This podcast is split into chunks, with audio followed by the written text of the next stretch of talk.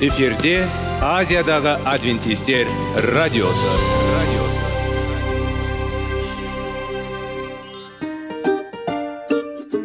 сәлем достар. Денсаулық өмір бұлағы және біздің бірінші байлығымыз демекші денсаулық сағаты рубрикасына қош келдіңіздер. Біздің рубрикада біз әртүрлі факторларменен мәліметтерменен кеңестерменен бөлісіп шын жүректен сіздердің дендеріңіз сау болғанын қалаймыз. Сол үшін біздің рубрикаға қош келдіңіздер. Дайындалып тұрыңыздар. Өйткені келесі минуттарда қызықты фактілерге ие боласыздар. Енді достар ең бірінші байлығымызды қолымызға алып алға кеттік.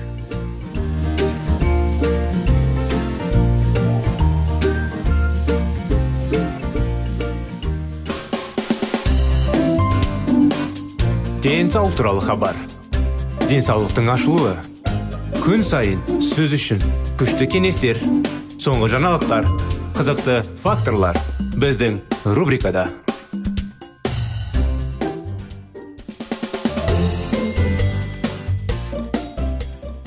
денсаулық сағат бағдарламасы сіздермен бірге армысыздар құрметті достар құрметті тыңдаушыларымыз қытай зерттеулері тақырыбын ары қарай жалғастырудамыз 1839 жылы құрамында азот бір химиялық затты гол ланс химигі зерт гертхард мульдер ашқаннан бері ақауыз барлық қоректік заттар арасында ең танымал болды. Ақауыз. Ақауыз сөзі грекше протеус сөзінен шыққан. Бұл өте маңызды дегенді білдіреді. 19 ғасырда ақауыз етпен байланысты болды және бұл байланысты 100 жылдан астам уақыт бойы сақталды. Бүгінгі таңда көптеген адамдар ақауыздар мен жануарлардың тамағы арасында тең белгі қояды. Егер сіз ақауызды еске түсіретін кезде есте қалған алғашқы тағамды атауыңыз керек болса сіз сиыр етін атай аласыз. Егер солай болса онда сіз жалғыз емессіз. Ақауызға қатысты көптеген сұрақтарға жауаптар әлі белгісіз. Ақауыздың жақсы көз қандай? Адам қанша ақауызды тұратыны керек? Өсімдік ақауызы жануар сияқты жақсы ма?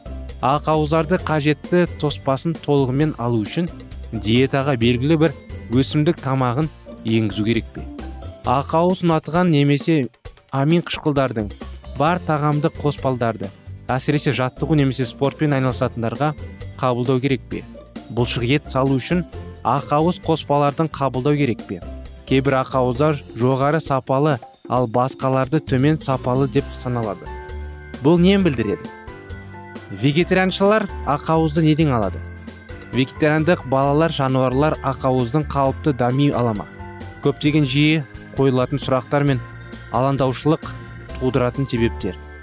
Ет ақауыз ал ақауыз ет деген сенім. Бұл сенімділік жануарлардың тағамның негізгі құрамдас бөлігі ақауыз болып табылған байланысты.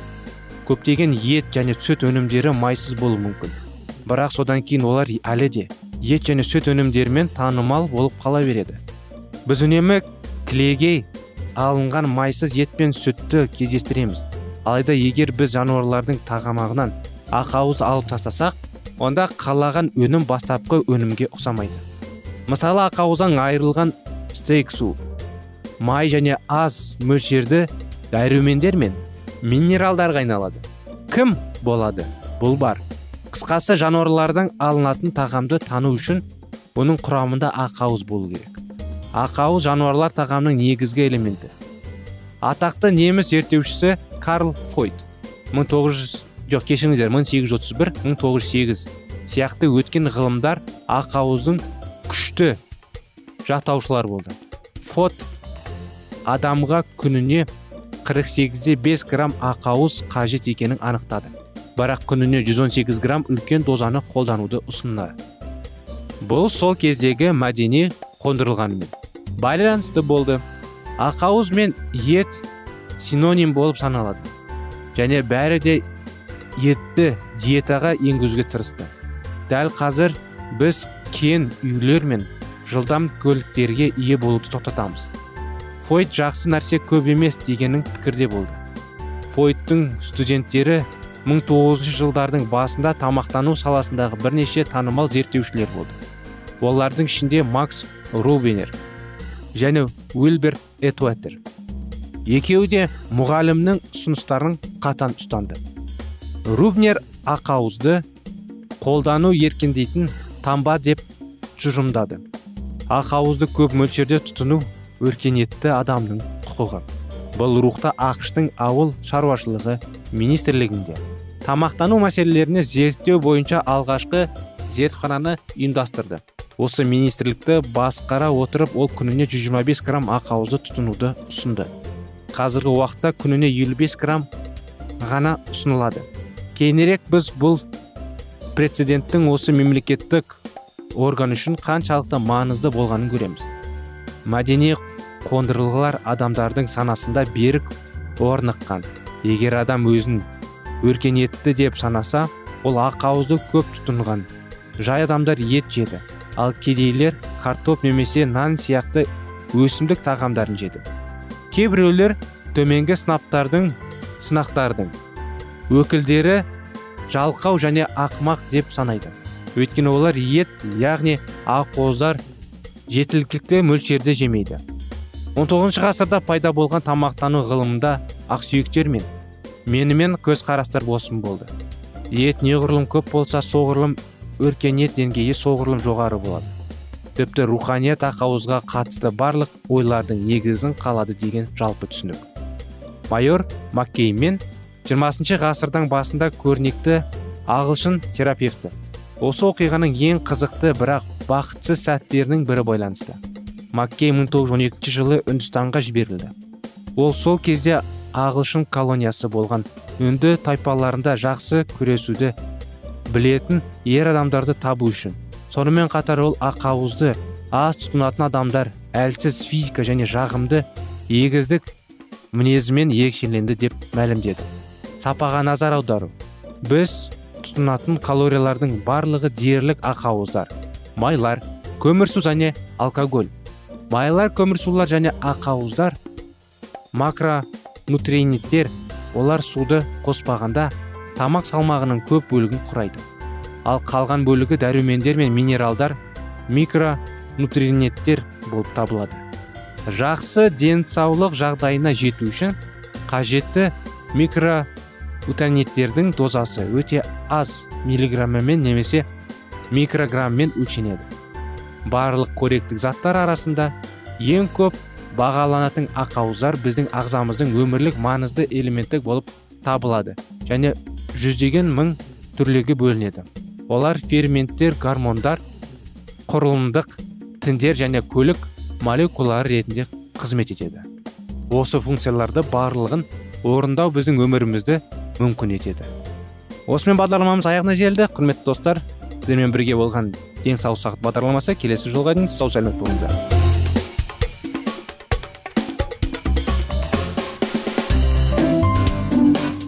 Денсаулық туралы хабар. Денсаулықтың ашылуы. Күн сайын сөз үшін күшті кеңестер соңғы жаңалықтар қызықты факторлар біздің рубрикада.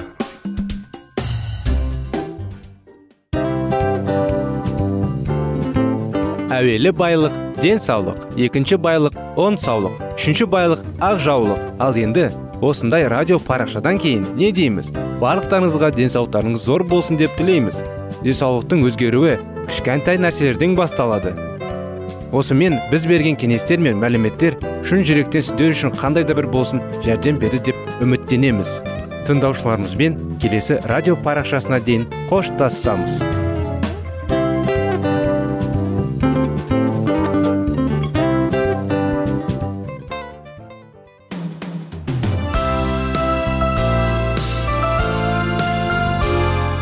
эфирде азиядағы адвентистер радиосы радиосы.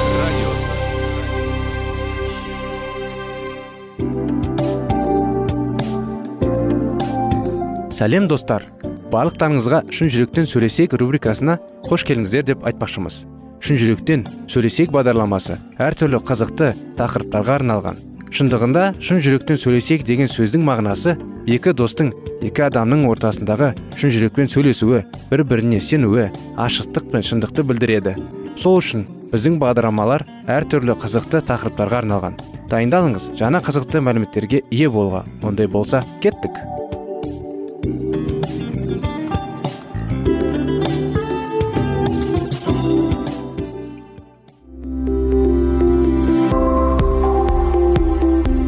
алтын сөздер. Сырласу. Қарым қатынас жайлы кеңестер мен қызықты тақырыптар. Шын жүректен сөйлесейік рубрикасында.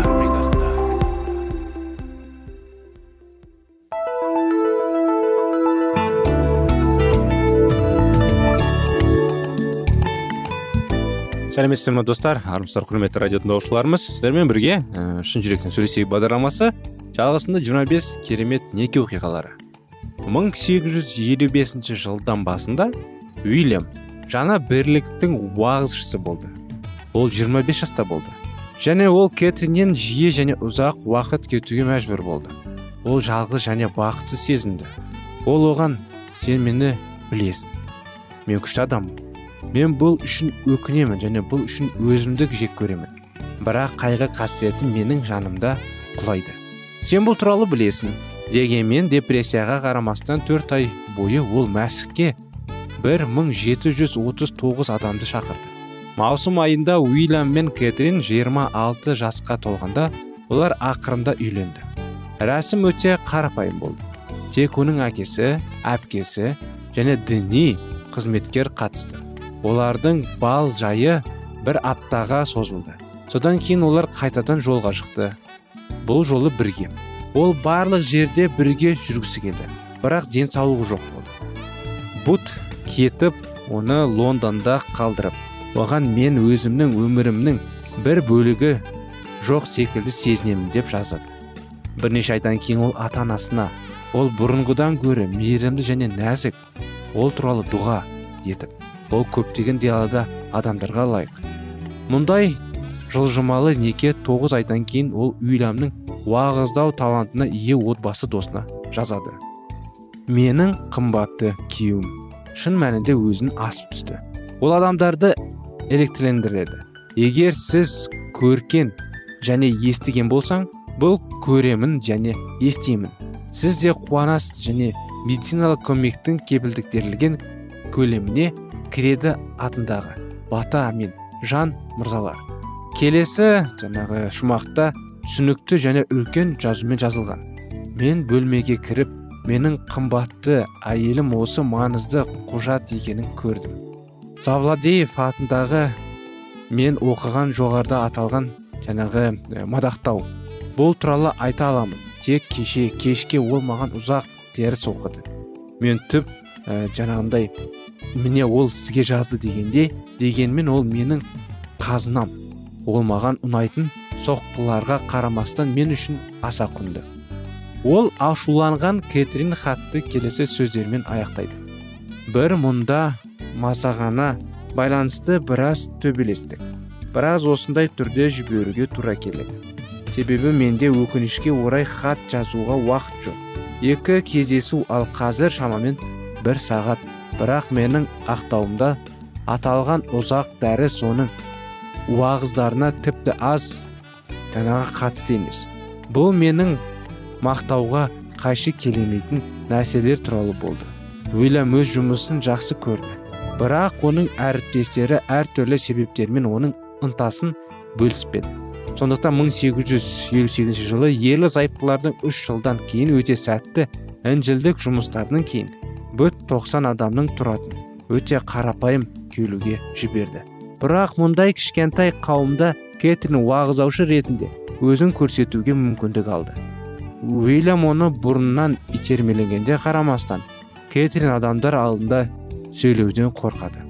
Бірақ 1860 жылы эмма қызы туылғаннан кейін ол шіркеуде құдайға құлшылық ету үшін бірнеше сөз айтуды құдайға шақыру сезінді.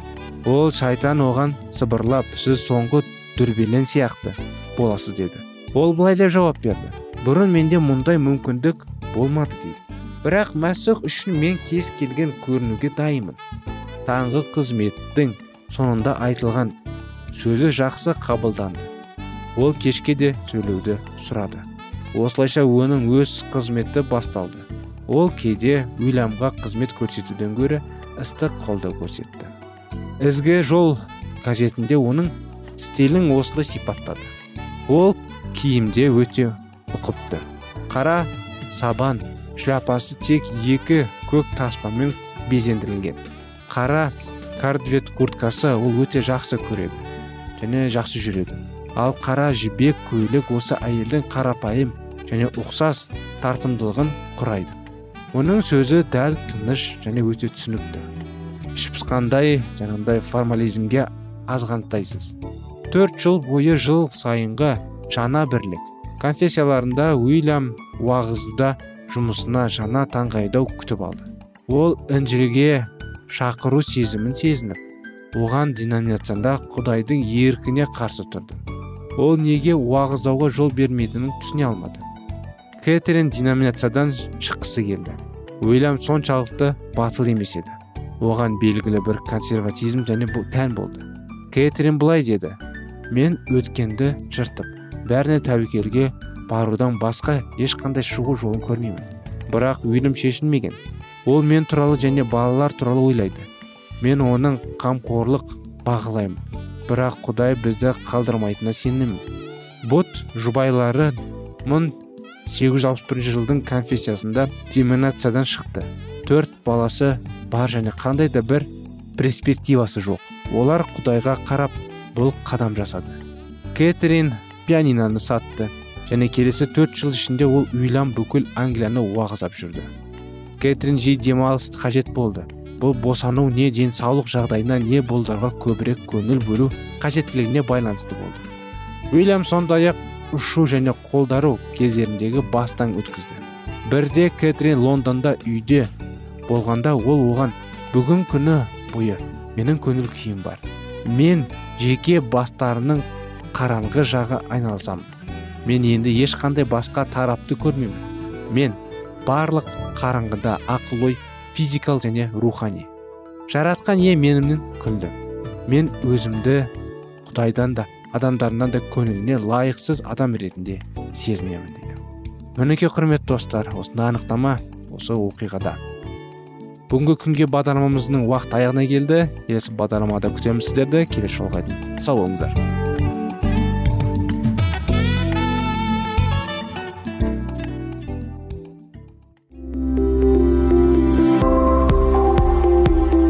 Алтын сөздер. Сырласу. Қарым қатынас жайлы кеңестер мен қызықты тақырыптар. Шын жүректен сөйлесейік рубрикасында.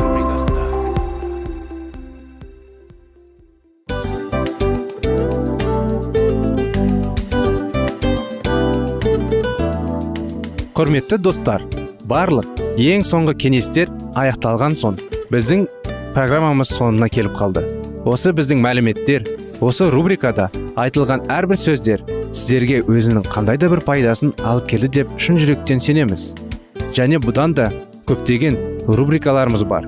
Басқа рубрикаларымызда біздің зерттеулерімізде сіздер үшін тағы да қызықты мәліметтер дайын. Біздің шын жүректен сөйлесейік парақшамызда көптеген әдістер ең соңғы кеңестер адамның нравственность жақтан моральдық жақтан тазалап байыта тұрған соңғы кеңестердің барлығын жанарады. сондықтан алдыңғы күндерде бізбен бірге болыңыздар. Өйткені барлық қызықтар алдыда. Бізбенен бірге болғандарыңызға үлкен рахмет. Келесі кездескенімізше сау сәлемет болыңыздар.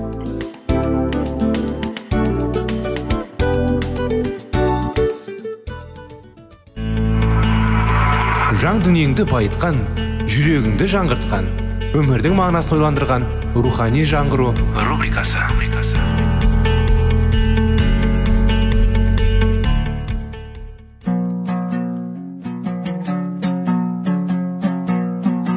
Ассалаумағалейкум біздің тыңдаушыларымыз. Келі кітаптың шындығын ашып берген қысқа бағдарламасына қош келдіңіздер. Барлығынан жоғары жаратушы біздің қарыңғылықта жалғыз қалдырып қойған емес. Өйткені ол келешекте не болу керек екенін кітаптың парақтарында ашып береді. Немесе келіңіздер бізге қосылыңыздар. Жаратушы бізге нен ашып бергенін зерттейміз. Роджер уильямстың колониясындағы іргелі ұстанымдарының бірінде әр адам құдайға өз арына сай қызмет етеді делінген. Осы кіші гірім род айленд штаты барлық қуғынға ұшырағандардың баспанасына айналды. Оның негізгі ұстанымдары азаматтық бостандық және діни бостандық. Америка республикасының іргетасына айналғанша бұл штат көрегейіп өсіп өне берді. Маңызды құжат тәуелсіздік декларациясында былай делінген. Жер бетіндегі бар жандарды құдай жаратты және оларды барлығының белгілі құқықтары бар. Олардың ішіне өмір сүру бақытты болуға ұмтылу және бостандыққа ие болу кереді ата заңында былай делінген.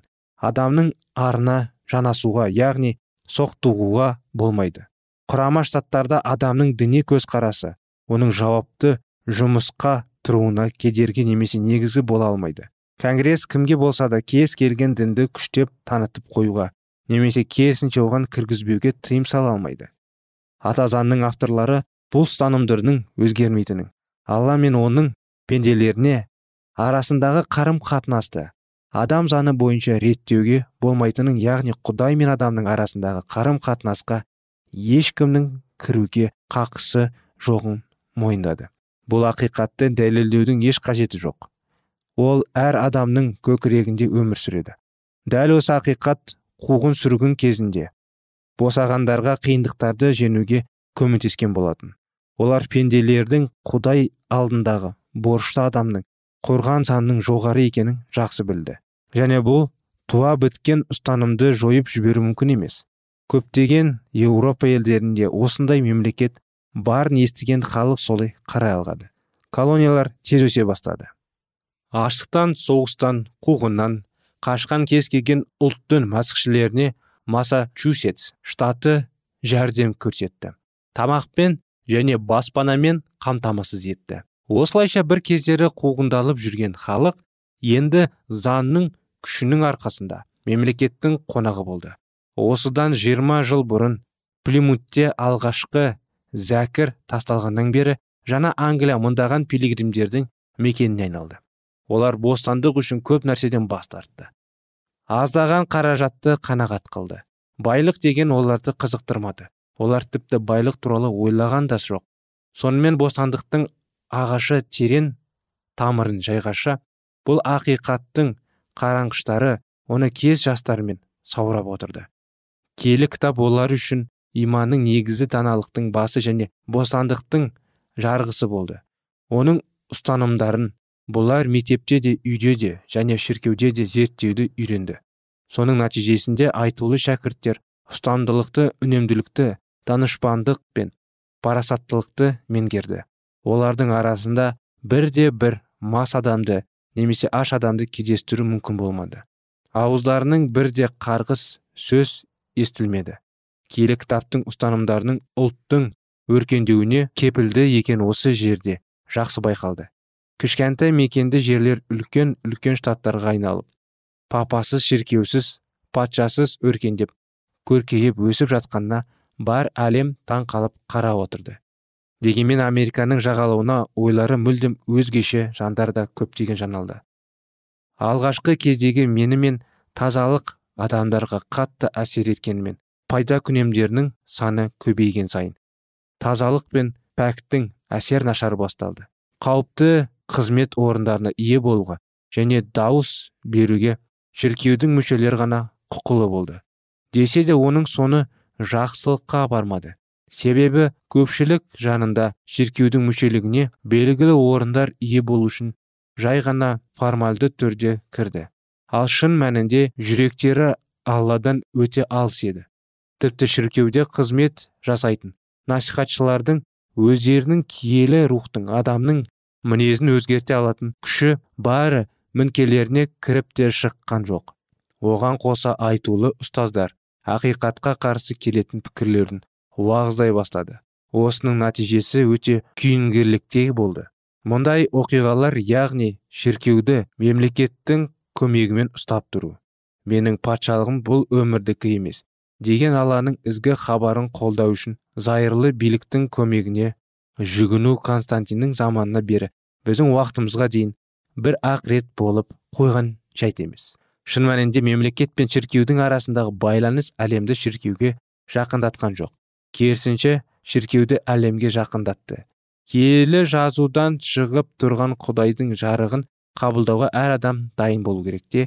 Бірақ керісінше робинсон мен роджер уильямс уағыздаған бұл ұлы ұстанымды олардың ұрпақтары жоғалтып алды. Америка мен еуропаның протестанттық шіркеулеріне реформация жол ашып бергенмен олар бұл жолмен жүрмеді.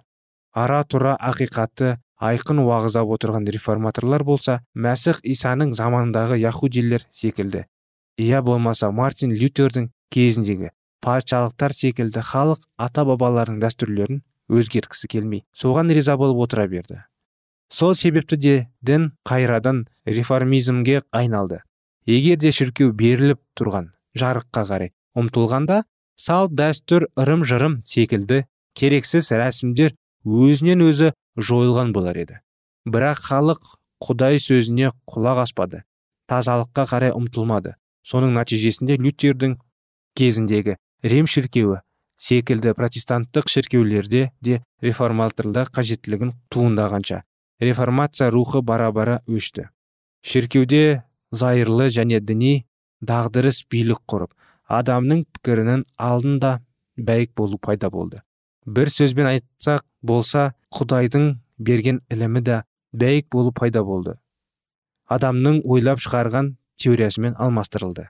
19 ғасырдың басында келе жазбаның кен етек жайып тарағанын айтарлықтай табысқа жеткізген жоқ. Себебі албасты бір кездері келе жазбаны халықтың жасырып түнектен ұстаса енді олай істей алмайтының болған соң. Келі жазуды құнсыздартып халықтың оны зерттеуге құқы зауқын болдырмай қойды. Сол себепті адамдар баяғысынша естігендеріне сене беретін күйге жетті. Және де киелі кітаппен ешбір ортақтасыған жоқ. Қате ілімдері тарап жатады. Ақиқатты іздеп оны зерттегендері қуғын жүргінге ұшыратын албасты енді бұл тәсілді іске аспай тынып сезіп халықты алдау тәсіліне кірісті. Яғни олардың дегендерімен келісу ұстанымы.